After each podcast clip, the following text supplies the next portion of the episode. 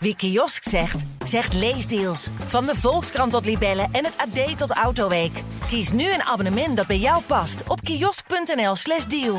Hij moet een 3,5 mm jackplug hebben. Hij moet een uh, micro SD-slot hebben. Oké, nu, nu vallen er opeens allemaal stukjes op hun plek. Ja, je ja. gaat een hele zware tijd tegemoet nog. Reinhard koopt nooit meer Meer. een nieuwe telefoon. Dit was het dan.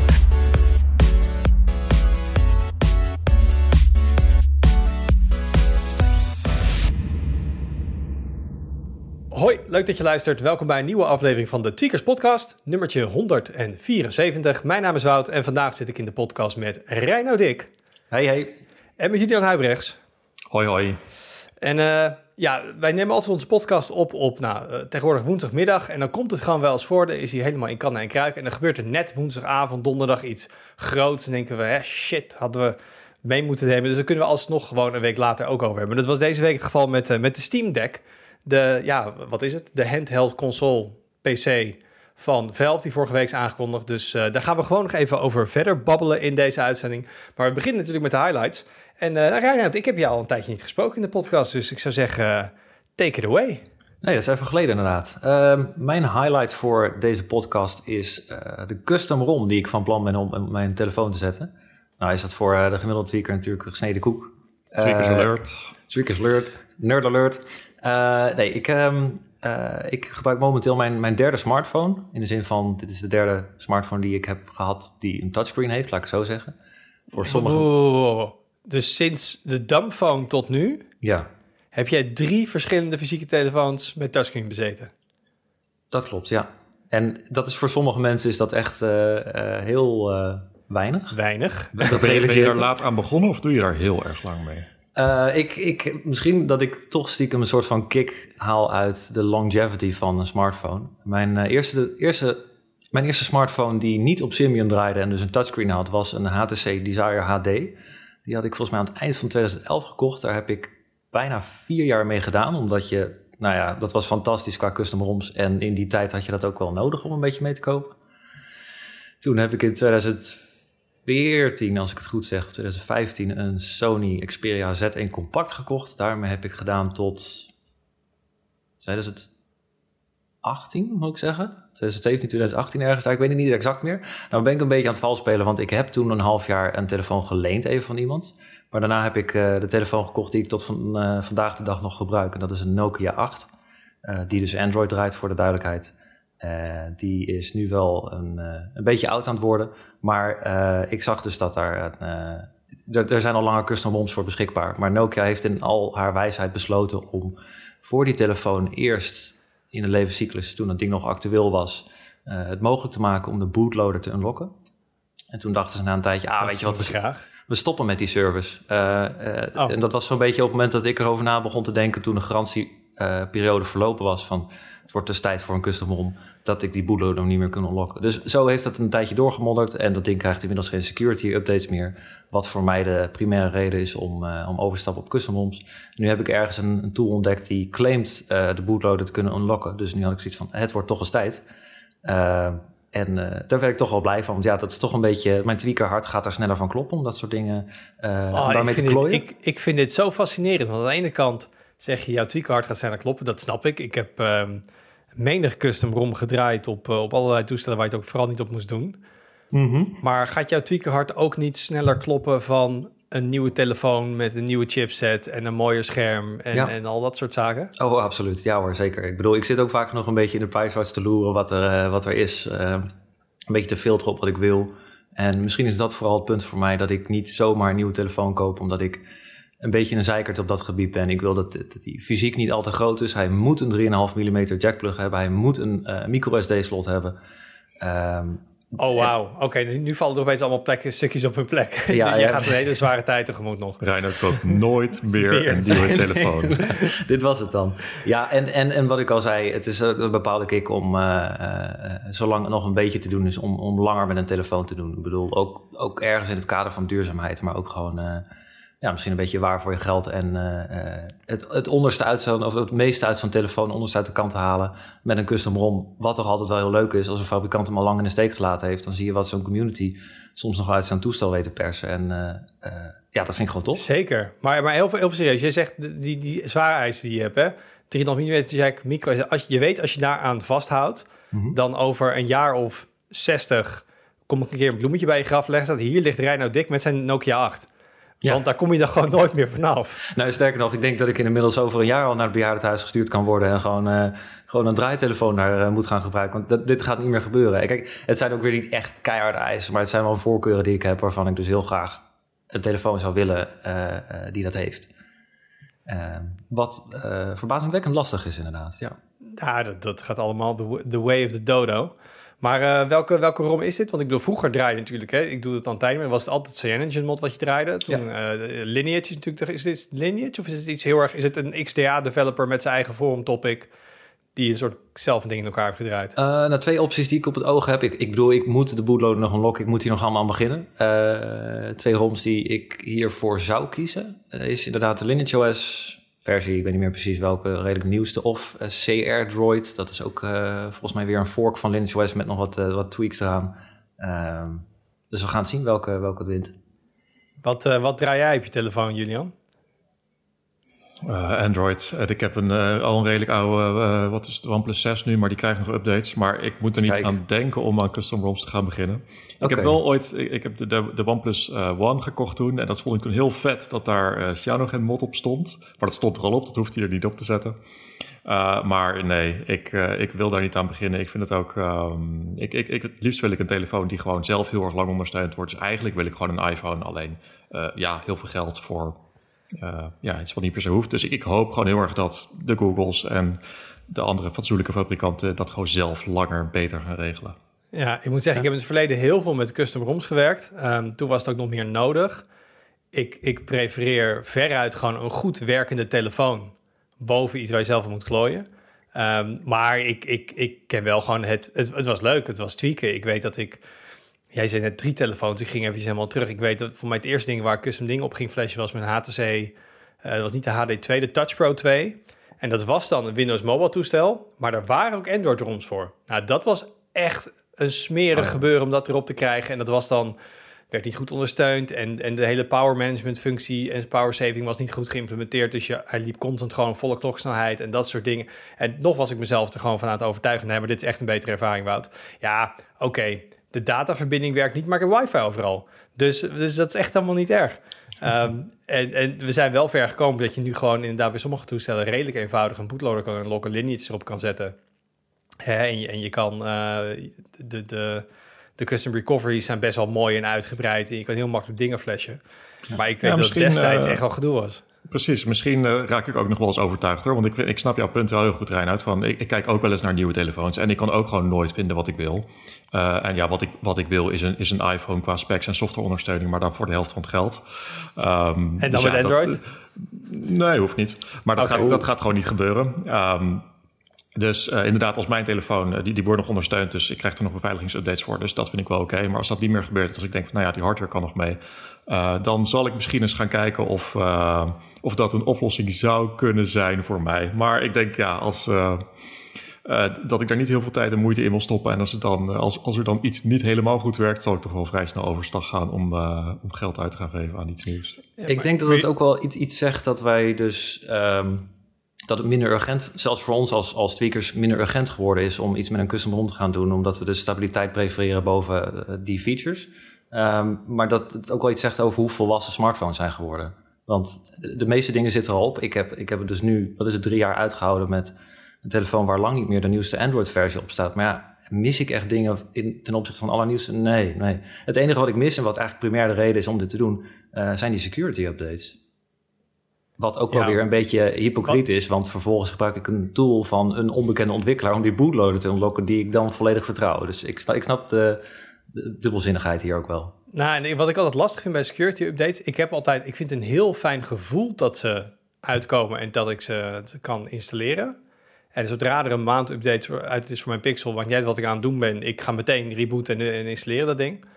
Aan de andere kant, hoe vaak horen wij of, of schrijven wij over het feit dat smartphones... Weet je, de, kans dat je door een, een verouderde versie van Android... Niet dat ik wil propageren dat het niet boeit hoor. Installeer vooral je updates. Maar het is natuurlijk wel een redelijk theoretische kans dat je dan iets... Dat je slachtoffer wordt van een aanval of dat je iets overkomt. Het is... Zeggen, voor mij is een reden om up te graden eerder dat ik nieuwe features in de software tof vind. Ik denk, hey, ik heb mijn software wordt niet bijgewerkt. Ik vind dat handige dingen. Uh, en dat ik gewoon toffe dingen op hardware vlak zie gebeuren. Uh, want blijkbaar hebben jullie daar, als ik het zo hoor, minder behoefte aan. Als je allebei een telefoon van een paar jaar oud hebt, dan zeg maar nieuwe camerasystemen met telescopische lenzen, dat zingen, dat, dat doet jullie dan niet zo heel veel, denk ik. Nou ja, ik wil het allemaal wel, maar ik, ik weet mezelf altijd wel in te houden. Dat, uh... Ik heb precies hetzelfde, ja. Ja, oké, maar uh, ik zou hem zeggen, uh, brick hem niet, Reinoud. Pas op. Um, nou, het, tegenwoordig, het is vaak gewoon een kwestie van een zipje installeren. Dus uh, zo, uh, zoveel risico loop je niet. En mocht het bricken toch gebeuren, ja, dan ben ik wel genoodzaakt om een nieuwe te kopen. Dan heb je weer een excuus om ja. een nieuwe telefoon te kopen, inderdaad. Julian. Ja, ik wil het hebben over, um, over de, Netflix, de Netflix van games. En uh, meestal gaat het dan over Game Pass. Maar dit keer gaan we het echt hebben over Netflix. Uh, want het is nu officieel. Netflix gaat de games in. Dat hebben ze bekendgemaakt bij de presentatie van hun kwartaalcijfers. Uh, en dat vind ik eigenlijk wel interessant. Ook een leuk discussiepunt. er zijn natuurlijk al wat, wat dingen geprobeerd op Netflix om een soort van interactieve series te maken. Je hebt Black Mirror Bandersnatch. Dan kan je tijdens het kijken kan je af en toe een keuze maken. Woehoe. Um, dus ik vroeg me af wat, hoe jullie daarover denken en, en wat jullie ideeën over games zijn. Want ik heb wel aan de ene kant uh, ben, ik daar, ben ik er heel erg benieuwd naar. Ik hoop dat dit een soort van nieuwe manier van gaming, ontwikkeling en denken kan gaan um, veroorzaken. Uh, ik heb bijvoorbeeld Quantum Break gespeeld op de Xbox. Uh, ik zie Reinhard knikken. Dat is een game waarbij je nou ja, gewoon third-person actie game speelt. Maar er zitten tussendoor zitten daar zeg maar segmenten van 10, 20 minuten, wat gewoon een serie is. Dus dat is een soort combinatie van games. En ik dacht, hey, dat zou op zich wel leuk zijn als Netflix zoiets gaat doen, maar dan andersom. Dat je een serie kijkt en dat je dan even vijf minuten of uh, een paar dingen, dat je echt wat kan doen. En niet alleen een keuze maakt, maar ook gewoon een stukje kan gamen. Ja, ik, ik, moet meteen denken aan, ik moet aan heel veel dingen denken. Ik moet meteen denken aan, aan Metal Gear Solid games, want die waren ongeveer zo. Dan zat je een uur lang naar een film te kijken en dan mocht je daarna mocht je wat doen. Die hadden echt enorm ja, lange cutscenes. Ja. ja, precies, precies. Um, maar wat vooral mijn vraag is, en ik moet zeggen, het, ik, ik weet dat Netflix dit gezegd heeft. Ik vond dat het niet het is niet heel groots opgepakt of heel groots uh, gebracht volgens mij ook.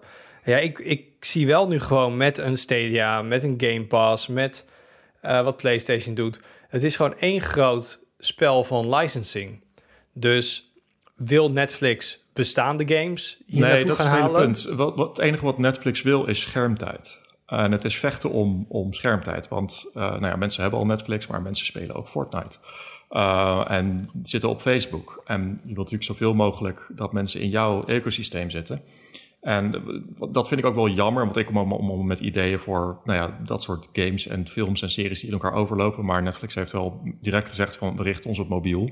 Want ja, dat is ook waar mensen zitten uh, met hun schermtijd, uh, schijnbaar. Ik kijk nooit Netflix op mijn mobiel, maar nope. um, ik geloof best dat, uh, dat de statistieken daar heel anders in zijn en dat de, de meeste mensen mobiel Netflix kijken. Uh, dus dat hebben ze al letterlijk gezegd en ze willen gewoon inhaken op hun eigen producties. Dus het is niet zo dat zij uh, game studios of, of bestaande franchises gaan over, overkopen en dan als een soort van game streaming op Netflix gaan zetten. Maar er moeten bij, bij, bij series of Netflix producties moet er dan ja, iets van gaming bij komen. Ja, het is, het is eigenlijk het moderne Netflix ook. Hè? Het begon natuurlijk ooit met dat ze series inkochten. En nu is Netflix eigenlijk alleen maar originals. Dus zij gaan ook zelf deze games allemaal ontwikkelen. Ja, en dat vind ik op zich wel de, de leuke kant van het verhaal. Want ja, nog een extra game streaming dienst erbij. Uh, nou, die zijn er al genoeg. En, en uh, nog, nog een speler die zich uh, in gaat vechten in die markt. Ja, het is leuk voor de concurrentie, maar volgens mij gebeurt maar worden dit, worden dit streaming games? Of is het zoals Game Pass dat je het wel installeert, maar dat het uit je abonnement er is, er is nog niks concreets over bekendgemaakt. Er was, was um, enkele weken geleden uh, uh, was bekend geworden dat uh, Netflix een soort van gaming divisie heeft opgezet en, en een kopstuk van voormalig IE heeft aangenomen die dat gaat leiden. En nu bij de kwartaalcijfers hebben ze, nou ja, zo praatjes tegen investeerders, hebben ze dat bevestigd en zeggen ze, joh, de nadruk ligt op mobiele games en het worden games die inhaken op onze bestaande eigen series. Uh, dus ja, dat zegt voorlopig wel een beetje wat het is, denk ik. Dus het, het worden uh, uh, ja, mobiele dingen. Dat kunnen bijvoorbeeld apps zijn, gewoon simpelweg naast, naast een serie. Maar ja, het, was er ook niet, ik moet meteen denken, was er ook niet bij Stranger Things? Was er Klopt, volgens mij een hebben, soort, een soort ja. 8-bit stijl Inderdaad, ze hebben natuurlijk al wat, wat spelletjes gemaakt. Je hebt gewoon een, een, een inderdaad een, een, een, Stranger Things mobiele game. Uh, maar ik neem aan dat het natuurlijk uiteindelijk het doel is om dat gewoon echt verder te integreren in Netflix. En niet alleen ja, een paar losse appjes te ontwikkelen. Maar als ik jou zo hoor, wil jij ook, ook dat ze niet alleen verder integreren in Netflix, maar verder integreren in de serie waar het misschien wel bij hoort. Nou, ik ben wel heel benieuwd. Ik denk dat je daar gewoon dat je een soort van nieuwe manieren van gaming zou kunnen uh, ontwikkelen. En denk dan ook aan, aan dingen die je bijvoorbeeld samen kan doen. En, uh, en maak het dan ook vooral volledig optioneel. Maar stel je bent een Star Wars, Star Wars film aan het kijken en er komt een hele vette scène ja, langs. Dat, sorry, Disney Plus okay. staat in Netflix. Uh, verzin is een leuke Netflix franchise. een sci-fi spannend verhaal. Um, uh, nou ja, er, er, zijn, er zijn genoeg leuke... Ja, The Witcher, neem dat. Uh, ja. En stel dat je dan uh, dat er een soort van boss fight in The Witcher is. En dat je dan gewoon de keuze kijkt: oh, je kan het nu bekijken. Of je kan even je controller pakken en je kan het zelf spelen. Maar zeggen... dan is dus de uitkomst variabel. En dan moeten ze op de bij ja, The Witcher op de film zetten, moeten ze dan verschillen, Kijk, verschillende uitkomsten filmen. Dat kan, maar je kan het ook gewoon zien als... Uh, je, het, wordt natuurlijk gewoon een soort van on-rails ervaring. En het is dan meer dat je gewoon even zelf wat doet... en dan zelf die, die experience hebt van uh, dat je aan het vechten bent... of dat je... Nou ja, ik, ik zie dan meteen zo'n zo'n TIE Fighter ding voor me... dat ik dan die cockpit zelf bestuur en, en laser aan het schieten ben. En ja, dat het dan gewoon een soort van on-rails ding is... en dat het niet zoveel uitmaakt wat jij doet op de uitkomst, dat, dat zou me niet zo heel veel uitmaken. Maar ja, ik, zie er best wel wat in. Dat je een soort van uh, wat meer interactie dan zeg maar Bandersnatch, maar niet helemaal dat je zelf uh, een open wereld in moet gaan en, en gamen. Ja, nou ja, ik, ik, ik zou het wel goed vinden, want ik, wat mij gewoon een beetje aan het merk Netflix um, tegenstaat is een groot woord. Maar het is zo apathisch. Gewoon mensen, ja, een beetje Netflix op de bankje, een beetje Netflix. Zelfs dat je nu die knop hebt tegenwoordig van, laat me maar gewoon iets zien. Ik, ik heb al de energie niet meer om gewoon een keus te maken. Gewoon, het is een beetje zoals in Wally, hoe de mensen dan in die pods leven en dan gewoon alles gepusht krijgen. En, en dus nou ja, ik, dit zullen geen enorm dynamische game ervaringen worden. Wel, ik, heb ook wel, ik, ik ben er enthousiast over, omdat ik denk dat er leuke nieuwe manieren van, van gamevormen mogelijk zijn. Maar ik ben er ja, ook niet zo zeker van dat dat gaat gebeuren. Ik vrees dat het inderdaad, nou ja, wat ze zelf zeggen, oké, okay, we richten ons op mobiel. En het doel wordt gewoon natuurlijk om zoveel mogelijk mensen zo lang mogelijk naar iets van Netflix te laten kijken. Ja, dus Netflix, ja. Netflix gaat ook van centjes verdienen. Dus als ze dan nog eventjes met uh, lootboxen en zo en die games gaan doen en uh, in-game aankopen. En ja, het kan ook helemaal de foute kant op gaan. Zeker, ja. Maar hebben ze iets van een, een tijdspad afgegeven? Nee, voor zover bekend niet. Dus het nee. is afwachten. Oké, dan gaan we afwachten. Um, ik, was, ik ben een beetje verbaasd over de Combine Highlight. niet verbaasd. Ik vind het gewoon fascinerend hoe de, de reacties zijn geweest de laatste maand op de ruimtevluchten, quote-unquote, van Richard Branson en, uh, en Jeff Bezos. Gisteren was natuurlijk, uh, neem het op woensdag op, zoals ik zei. Gisteren ging uh, New Shepard ging omhoog. Um, hij heeft de Karman-lijn aangetikt, hoe eventjes eroverheen gegaan en kwam toen weer naar beneden. En Bezos zat met, nou, zoals we tegenwoordig allemaal in Nederland weten, als we Nederlandse nieuws volgen, met een Nederlandse jongen aan boord en met een, een, een 82-jarige vrouwelijke astronaut die wel de opleiding had gedaan, maar nooit de ruimte in was geweest en zijn broer was er volgens mij bij. Um, ja, ik wil het gewoon met jullie over hebben. Hoe moeten, we, hoe moeten we hier nou naar kijken? Want ik merk een enorme maatschappelijke backlash hierop. Ja, biljonairs doen alleen maar spelletjes spelen en dus moeten gewoon belasting gaan betalen en dat soort. Het, het, waar je bij een SpaceX bijvoorbeeld, oké, die doen ook echt wat meer dan toeristenreisjes. Ook denk ik, en daar, daar merk je wel bepaald een soort van trots in de Verenigde Staten, maar ook wel wereldwijd van eens kijken en boosters gaan landen en dit en dat. Daar is echt wel een soort verwondering over wat er neergezet wordt. Um, en bij Branson en Bezos is het best wel veel negatief allemaal. Hoe, hoe, door welke bril bekijken jullie dat? Zijn het leuke ontwikkelingen of is het allemaal inderdaad onzin en moeten die mensen gewoon het geld gaan betalen aan de Belastingdienst? Nou, wat mij betreft moet dat laatste sowieso, maar ik, dat staat er wel los van. Uh, ik vond het wel hilarisch dat, dat Bezos bij de persconferentie na afloop gewoon even zei... hey, en bedankt alle klanten en werknemers van Amazon, jullie hebben dit betaald. Joe. Dat, dat, ik, ik, ik, zag het fragmentje op Twitter, ik dacht, oh, dat is er een soort van ingemonteerd aangeknipt. Maar dat heeft hij letterlijk gezegd. En dat is, ja, ik snap heel erg die kritiek erop als je ziet hoe hij zijn werknemers behandelt en inderdaad nergens belasting betaalt. Dat vind ik ook walgelijk. Maar los daarvan vind ik het heel tof dat dit kan. En ja, dat, want laten we het uh, even lostrekken precies, van de persoon. dat- dat is het want ook. de persoon wordt ook erbij. Het feit dat ruimtevaart, en dat is echt in de breedste zin van het woord, dat we dat voor commercialiseren, dat we dat goedkoper maken, dat we dat iets, iets van maken waar in de toekomst misschien jij en ik ook aan deel kunnen nemen.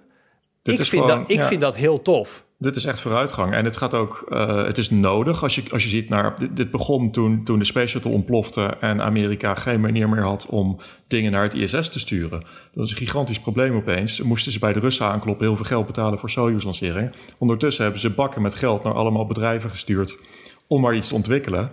Eh, Maar dat, dat gaat, Branson gaat geen resupplies van het ISS doen, denk ik. Voor mij is bijvoorbeeld een Branson echt wel gericht op toerisme ruimtevaart. Ja, maar, maar zou hij niet eh, dat graag ook willen doen? Dat is een beetje het punt. Hè? Kijk, SpaceX is daar gewoon verreweg het succesvolst in geworden. Maar eh, Bezos heeft ook niet eh, dat hele ding gebouwd om zelf 10 minuten heen en weer te gaan. Het is natuurlijk wel het idee. Ze hebben allemaal de ambitie. Ze hebben allemaal meegedaan, of in ieder geval Branson, aan dat hele maanlanderproject. om, om een, capsule te maken, toch? Dus ze willen allemaal wel. En natuurlijk ook omdat je dan gewoon ja, miljarden van de NASA krijgt. Dus dat is wel fijn. dat, dat maar helpt ook wel. het is ook. Eh, neem, neem het ISS. Dat, de, de, de, de landen willen dat niet meer betalen. Dus gaan ze nu al zijn ze al aan het denken van... goh, gaan we dat misschien commercialiseren? Dus dit soort partijen kunnen prima... eh, nou ja, oké, ze, ga- ze gaan nu dan... doen ze een, een, vlucht naar 100 kilometer hoogte. Nou ja, plak er nog een paar honderd aan vast... en je kan naar het ISS. We plakken we daar een extra eh, module aan... maken we er een hotelletje van. Maar Eh, dan zeg jij, dan is de, de toeristische ruimtevaart is een means to an end. Dat is een manier om, om geld te verdienen. En daarmee kunnen we dan de, wat, nou, de belangrijke wetenschappelijke ruimtevaart... kunnen we daar deels mee bekostigen. Ja, deels. En stel dat je, dat je ruimtetoeristen naar het ISS stuurt, kan je natuurlijk meteen ook andere dingen meesturen. En dat betaalt zich dan dus eh, vanuit die, die, die commercie. Ja, en- maar ik en- denk dat ze- zoals jij dat ziet, dat is redelijk pragmatisch, denk ik. Maar als ze nou echt even, en dat is waar voor mij de kritiek, kritiek op is, even gewoon afkaderen van ruimtetoerisme. Is dat iets, zeggen mensen, ja, weet je, dat kost eh, enorm slecht voor de aarde, met al die uitstoot en dan, eh, nou ja, van alles wat er mis mee is. En dan alleen zodat iemand even anderhalf minuut gewichtloos kan zijn.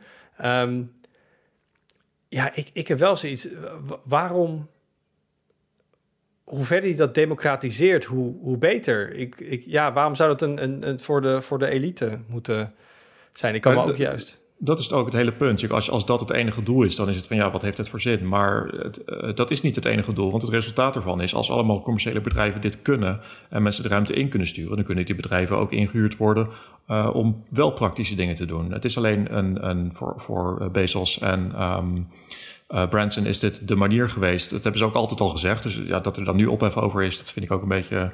Eh, nou ja, s- het was natuurlijk al heel lang, maar dit is altijd al hun idee geweest om ruimtetoerisme te doen. Het is gewoon hun insteek geweest om hier geld mee te gaan verdienen. En als dat allemaal goed werkt, dan, dan, werkt, dan is de techniek er ook. En dan is er dus ja, commerciële ruimtevaart. En ik denk dat dat wel voordelen kan hebben.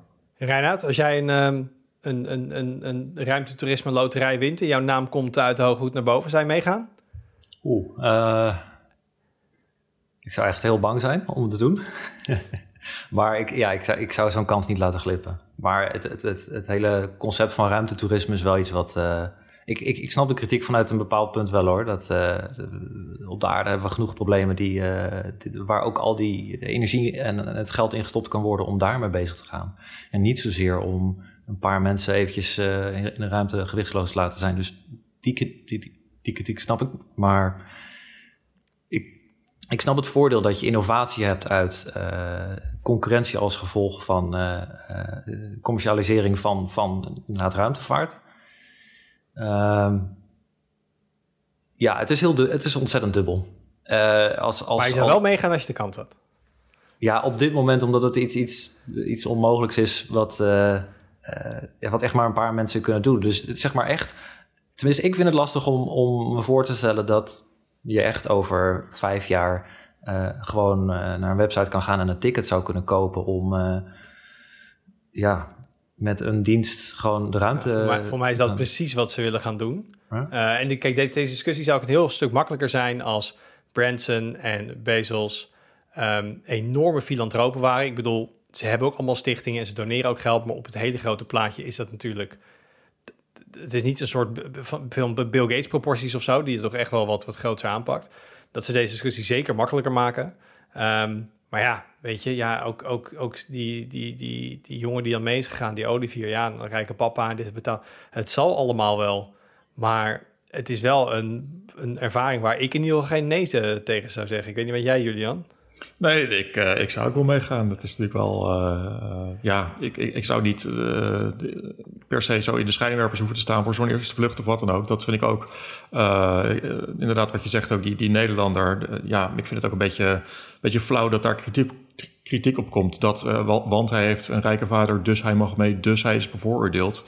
Um, het is altijd al het idee geweest dat dit iets is voor mensen die veel geld hebben. Dus als het dan ook daadwerkelijk gebeurt, dan is dat toch gewoon en die gast was echt uh, als een dolle zo blij volgens mij. Hm. Dus, Precies, uh, hij, is ook al, al sinds, uh, nou ja, die, een klein jongetje is, is die fan van ruimtevaart en, en, en wil hij dit al. Hij heeft een, een vlieglicentie, dus het is niet zo dat, dat hij opeens dit bedacht heeft of in zijn schoot geworpen gekregen heeft. Ja, tuurlijk heeft hij de mazzel dat hij, nou ja,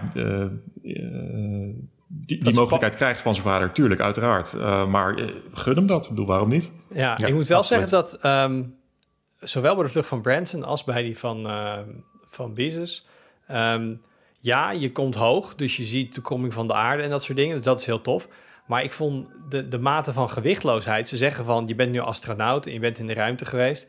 Ja, jongens, kom op. Ik vind één rondje rondom de aardbol is toch wel een soort van grens die we moeten gaan instellen om te zeggen dat je in de ruimte bent geweest. Want ze zijn dan anderhalve minuut volgens mij zijn ze gewichtloos.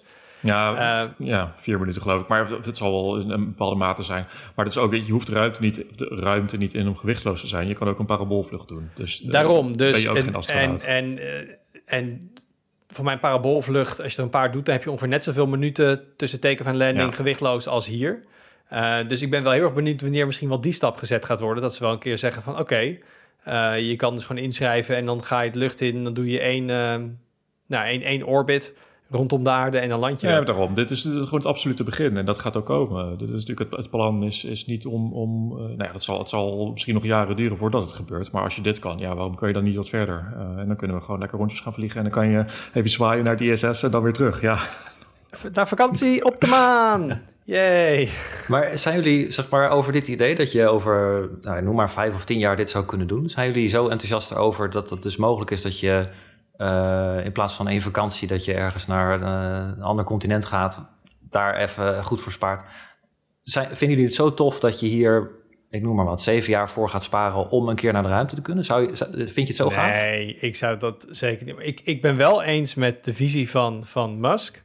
Uh, hij zegt we moeten een interplanetary species zijn, dat niet. Misschien wel op termijn. Maar ik vind het enorm zonde dat we sinds de jaren 70, 80, zeg maar, dat eigenlijk alle drive en innovatie uit dat hele ruimte, uh, die ruimtewetenschap is gegaan. En dat we nu zeggen, oké, we hebben een ISS in low orbit en dan gaan we af en toe naartoe. Maar we gaan dan, nou, misschien met vijf jaar gaan we terug naar de maan. Daar zijn we al geweest decennia geleden. Dus als dit ervoor kan zorgen dat er weer een soort hernieuwd momentum komt, dat mensen weer geld willen investeren in, in ruimtevaart, dat mensen inderdaad enthousiasme ervoor ontwikkelen, dat er weer een generatie opgroeit die denkt ik wil astronaut worden dan ben ik all for it. Want ik ben wel echt super benieuwd van what's out there. En, en gaan we in... in terwijl maar dat is toch precies wat al, al gebeurd is. De, de, de, de, hele reden dat dit nu gebeurt, dat de Branson en, en Bezos zichzelf gelanceerd hebben, is dit wat jij schetst. Ja, ja, daarom. Dus ik ben, ik ben wel voorstander uiteindelijk hiervan, tuurlijk. En je kan... Uh, op, op hoe Amerikaans het wordt ingestoken allemaal. En, en, en uh, weet je, het kan allemaal veel, veel, dat allemaal ook anders kunnen. Maar het feit dat dit gebeurt en dat die ontwikkeling er is. Uh, ja, ik, ben, ik wil graag in mijn lifetime wel. Ik ben benieuwd of we op Mars kunnen landen inderdaad als mensen. En dat we gaan nadenken over wat er nog meer allemaal in, in de, de galaxy kan, zeg maar. Dus als dat het einddoel is, dan ben ik wel redelijk pro alles wat ons daarheen gaat brengen. Uh, maar ik, ik snap ook heel goed dat mensen zeggen, ja, prima dat ze dat doen, maar laat ze eerst gewoon maar eens eventjes wat uh, belasting betalen. Dan nog eens even een deel van de miljarden in, uh, in, in, in de hongersnood in Afrika stoppen en dat soort dingen. Uh, ze hadden ook voor iedereen vaccins over de hele wereld kunnen kopen. En prima, daar houden ze namelijk nog genoeg geld over om dit, nog, dit ook te doen. Ja. Dus het, het maakt het makkelijker als ze niet een beetje de, de verdenking van een soort van modern villain om zich heen hebben. om hier gewoon enthousiast over te kunnen doen. Amen. Amen. Nou, waar. jongens, dan de Steam Deck. Ehm, zoals gezegd, vorige week, Valve, opeens. Hoi, wij zijn Valve, wij maken Steam. Hier, hardware. Eh, was het zo onverwacht? Jullie hebben nog even bij onze site teruggekeken. We hadden eind mei een berichtje over Ja, Steam, klopt. Steam was-.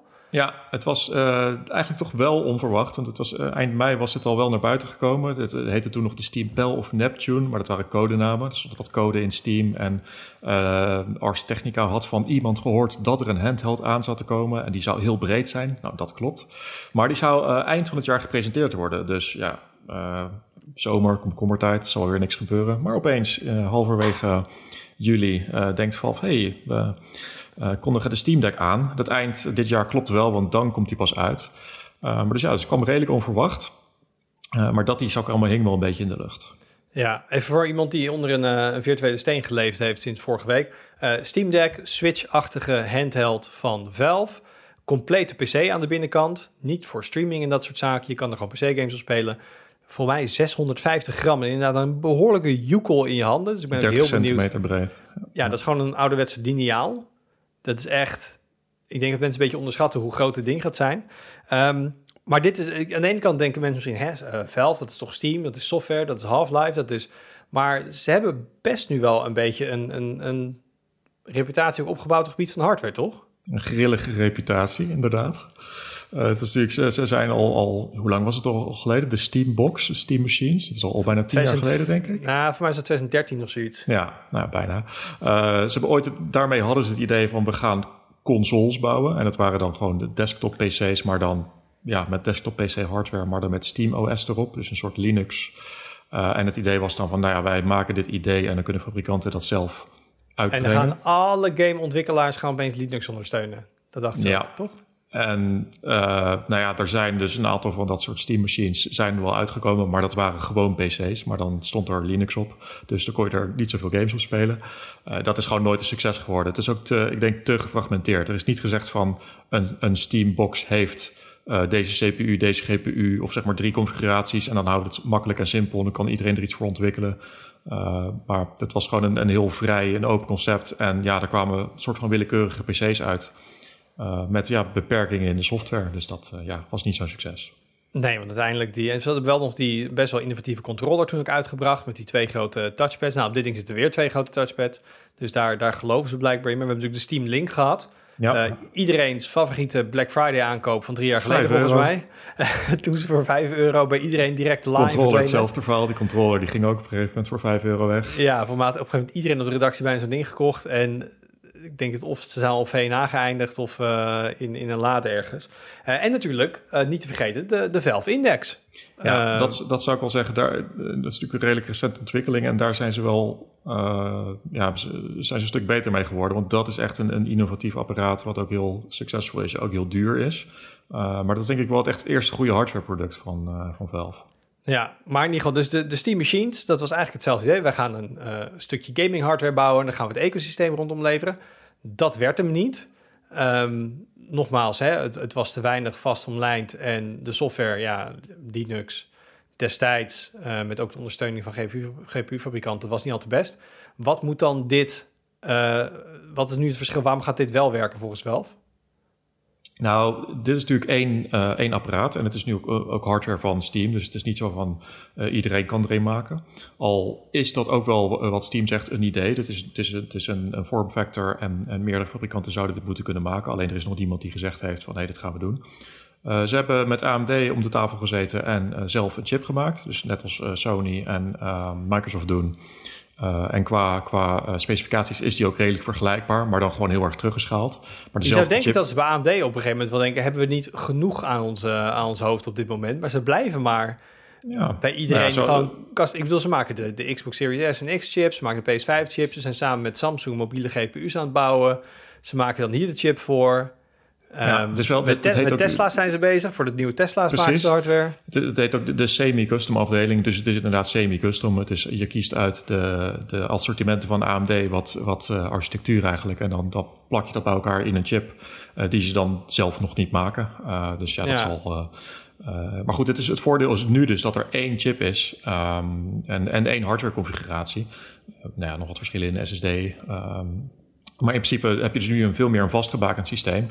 Um, uh, wat het een stuk makkelijker zou moeten maken om je games daarvoor te optimaliseren. En het grote verschil is natuurlijk dat uh, de, de, ondersteuning voor games op Linux is uh, heel veel verbeterd. En daar heeft Steam heel erg hard aan gewerkt de afgelopen jaren. Ja, want ze hebben natuurlijk Proton, um, fork van Wine. Wine is een emulator, maar voor Linux gebruikers die moet dat wel bekend voorkomen. Wine, een, een, zoals ik het begrijp, een compatibility laag die eigenlijk Windows API calls probeert te mappen op rechtstreeks op Linux API calls. Dat je niet hoeft uh, te emuleren, maar dat je gewoon rechtstreeks kan, kan transleren, translaten, vertalen. Um, nou zat ik wel even te kijken uh, op, de, op de, de, de database bij Steam. Uh, van de 48.000 games die op um, Windows werken, staan in Steam Library nu 7590 die ook op Linux werken. Um, en ja, de vraag is een beetje, was moeilijk filteren. Dus je, je weet niet helemaal, wat, zijn het dan de grote of zijn het niet de grote? Maar ik zag ook echt wel wat grote titels die dan officieel nog niet via Proton ondersteund worden, maar deels dan weer wel. Dus ik hou mijn hart wel een klein beetje vast. Ja, het zal vast een heel, een heel, heleboel beter zijn dan dat het was. Maar uiteindelijk gaat het natuurlijk wel vallen of staan bij it, it just needs to work. En Steam is natuurlijk gewoon een, een mensen gebruiken vooral Windows. Als jij een, een PC-gamer bent en je bent gewoon gewend dat alles in je Steam library dat heb je gekocht en je koopt dit ding, dan wil je natuurlijk alles ook kunnen spelen. Um, maar laten we heel veel nog stilstaan bij die, die hardware die erin zit, uh, Reinoud. Dus ze hebben wederom bij AMD een, een custom chip gemaakt. Ja, ja, Maar het is niet het snelste, het snelste wat ze hebben. En het is ook niet het nieuwste van het nieuwste, volgens mij. Nee, wat, uh, wat Julian al zei, het is inderdaad erg vergelijkbaar met uh, wat er dan ja, in de nieuwste generatie consoles zit. Dus dan heb je het over de Zen 2 architectuur van, uh, van AMD. op de desktop hebben we natuurlijk nu al Zen 3. maar net als we bij de nieuwe consoles zien, Zen 2 is gewoon hartstikke snel en snel genoeg. Ehm, de uitdaging zit hem meer in het grafisch gedeelte, zeker voor, voor een APU, zeker voor zo'n kleine chip. Ehm, Zoals, in dit apparaat, want ze hebben het dan over een, een APU, een Accelerated Processing Unit, zoals ze dat noemen. Dus gewoon een, een CPU, dus de processor gecombineerd met de, de GPU, de grafische chip. Wat één chip is, dat hebben we natuurlijk nu al, al echt wel wat jaren gezien. Dat is helemaal niet, speciaal meer. Maar wat eigenlijk opvallend is aan deze chip, is dat hij de, de nieuwste GPU-architectuur van AMD gebruikt, RDNA 2. Dat hebben we nog niet eerder gezien in deze vorm. Dus die, die nieuwe architectuur zit dus in de nieuwe consoles maar die kun je alleen als console kopen.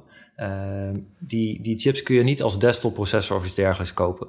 De, uh, de desktop processors... ze hebben echt wel dus iets customs gemaakt. Ze hebben niet een off-the-shelf component gepakt nee. en dat erin geprikt. Nee, nee, nee dat zeker niet. Nee. Dus het is, het, het is semi-custom in die zin dat ze inderdaad in het portfolio van AMD gewoon wat dingen kunnen kiezen. En, en, en voor die architectuur, die, uh, die nieuwste GPU-architectuur hebben gebruikt. Waarvan AMD overigens over de desktop processors volgens mij een jaar geleden zelfs nog zei, waar, toen de vraag kwam waarom uh, gebruiken jullie nog de, Vega, de oudere Vega-architectuur voor jullie desktop-APU's?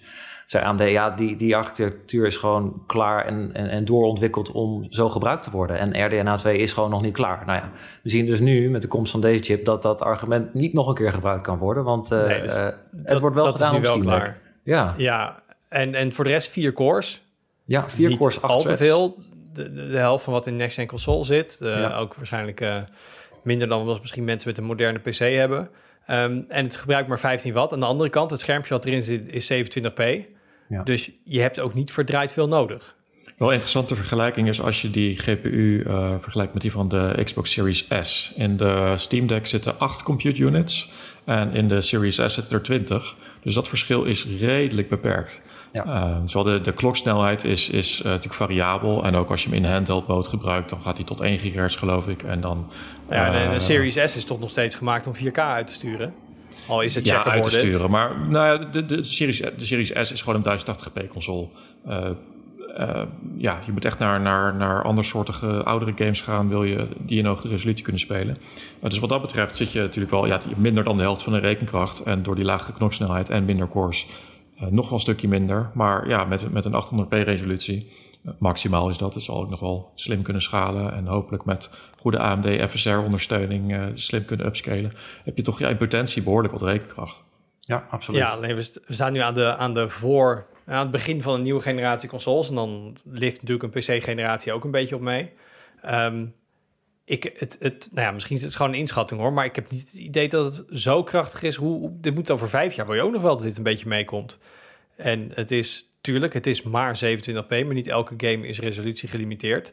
Uh, we zien nu dat, um, hè, dat, dat uh, moderne consoles 8 cores hebben. We zien ook dat, uh, nou, als je nu, wat zijn de meest populaire Ryzen CPU's? Ik bedoel, 6 tot 8 cores, dat is een beetje waar nu ook de sweet spot zit.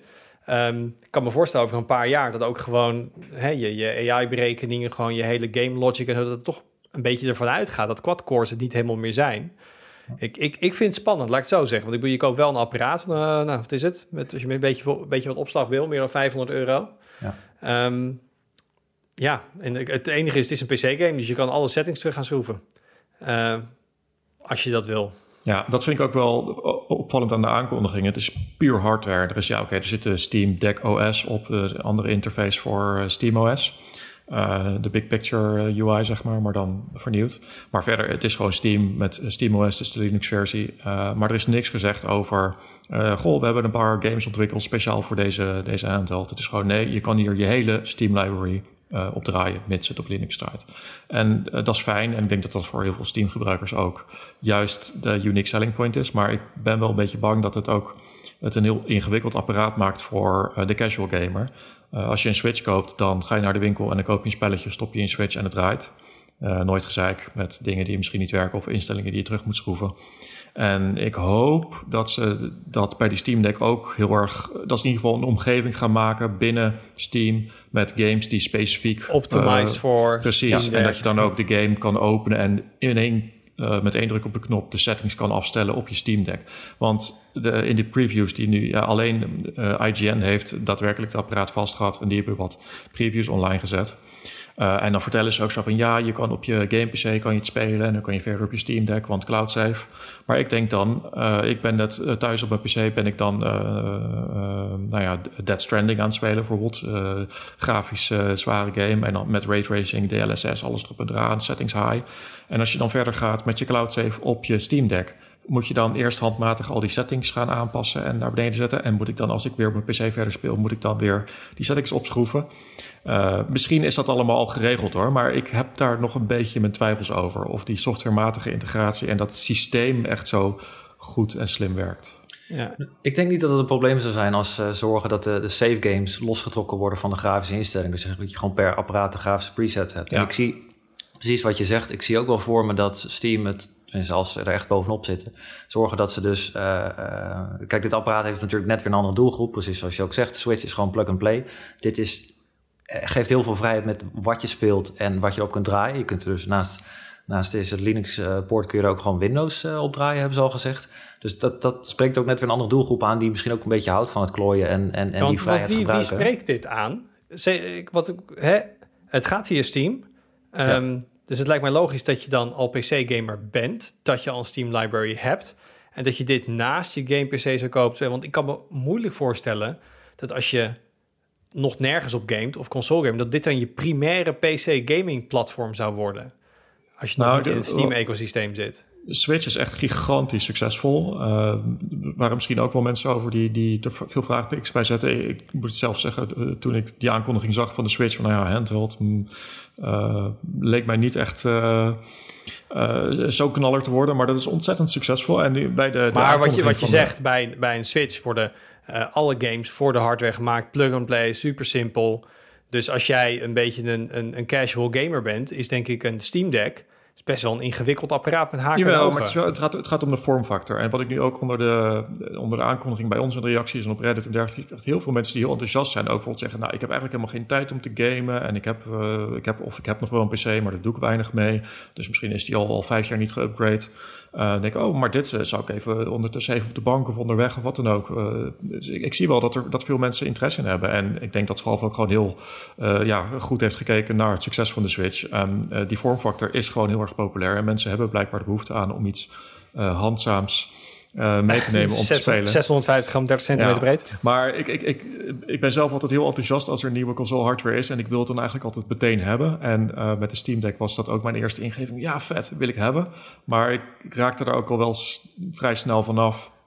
Uh, en dat ligt er dan vooral aan, omdat ik als ik een game wil spelen of een film wil kijken of wat dan ook, wil ik dat altijd op de best mogelijke manier ervaren. En ik kan me niet voorstellen dat ik echt een, een grote, toffe game dan op die Steam Deck ga spelen, terwijl ik dat ook ja, op een ander moment dan, dan thuis op een andere console kan doen. Nou dus, ja, en wat ik me nog afvraag, als je de afweging moet maken tussen je draait het, um, je hebt dus al de game gekocht voor je PC, je hebt een game PC, je draait hem op de bank native op de Steam Deck, 27p, settings omlaag, of je koopt een apparaat of je pakt een tablet met een Bluetooth controller en je streamt het naar je mobile device toe. Waarbij je dus wel op high settings, oké, okay, er gaat er wat videocompressie overheen. Maar onder de streep, ja, je, je, bij de een lever je in op real-time rendering kracht, bij de ander iets op videocompressie. Maar je kan natuurlijk, als je al een game PC hebt, een Steam library, zijn er allemaal manieren waarop je ook op de bank je spellen verder kan spelen, op, op dit moment al. Um, die misschien wel makkelijker zijn. Ja, ik, ik, ik, ik vind het lastig. Ik, ik ben het met je eens dat de, de Switch had ik dat ook bij. Van nou, maar ik denk dat je daar heel erg uh, bij moet beseffen, uh, nou ja, waar wij allemaal uh, wars van zijn. Netflix kijken op je mobiel, doen wij niet. Maar heel veel mensen zitten gewoon tegenwoordig op mobiele schermpjes. En misschien is die de enige tv in huis wel bezet door ja, drie anderen. dus de, de, vrijheid van zo'n mobiel schermpje spreekt denk ik heel veel mensen aan. En of dat dan per se gaat om dat je het buiten de deur doet of gewoon op een, in een andere kamer of wat dan ook. En je kan natuurlijk met die Steam Deck ook prima je uh, in, in uh, wat is het, uh, je eigen library streamen. Dat kan, kan sowieso binnen Steam, dus dat kan die Steam Deck ook dat, wel. Dat dus. is een heel duur streamapparaat. En wat je zegt, misschien is de tv bezet, misschien ook niet. Je kan hem dokken, maar um, je kan dit dus aan de moderne tv hangen. Maar Reinhard, even terug naar die hardware. Mm -hmm. Ik weet niet wat de dock dan zou doen, of dat hij hem naar 1080p gooit of 4. Maar ik bedoel, dat, dat lijkt me gewoon geen haalbare kaart, toch? Om echt hier hoge resoluties uit te willen gaan persen uit zo'n APU. Oh, zeker wel. Uh, die chip in ieder geval hardwarematig kan die, uh, daar heb ik even los van de regenkracht, hè, maar wat hij gewoon kan uitsturen aan signaal, is omdat het via USB-C uh, verstuurt die DisplayPort, ehm, kun je 8K met 60 hertz uitsturen of zelfs 4K met 120 hertz.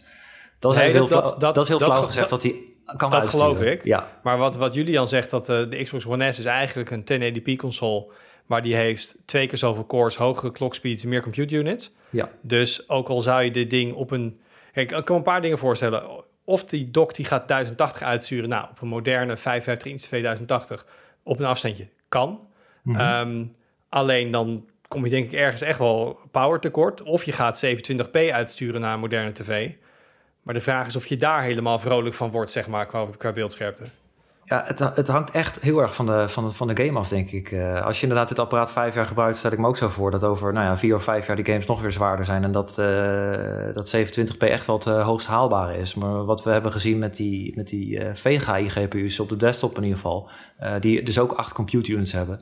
Dat die, die nieuwe generaties daarvan, dus dezelfde architectuur, maar dan met hoge kloksnelheden, dat die, ja, dat die beetje tussen 27p en, en, en 1080p inhangen. Dat hij ergens rond de 900p nog wel in, in, in best wat games met 50 à 60 uh, frames per seconde wel, wel kunnen uitsturen. Nou is RDNA natuurlijk nog wel echt een stuk sneller uh, de architectuur. Ook gewoon veel meer gericht op gaming dan Vega. Dan heb je natuurlijk in die chip ook nog dat die, uh, of in die APU van, van Steam Deck, dat die LP DDR5 heeft. Um, allerlei verbeteringen ten opzichte van eerdere generaties.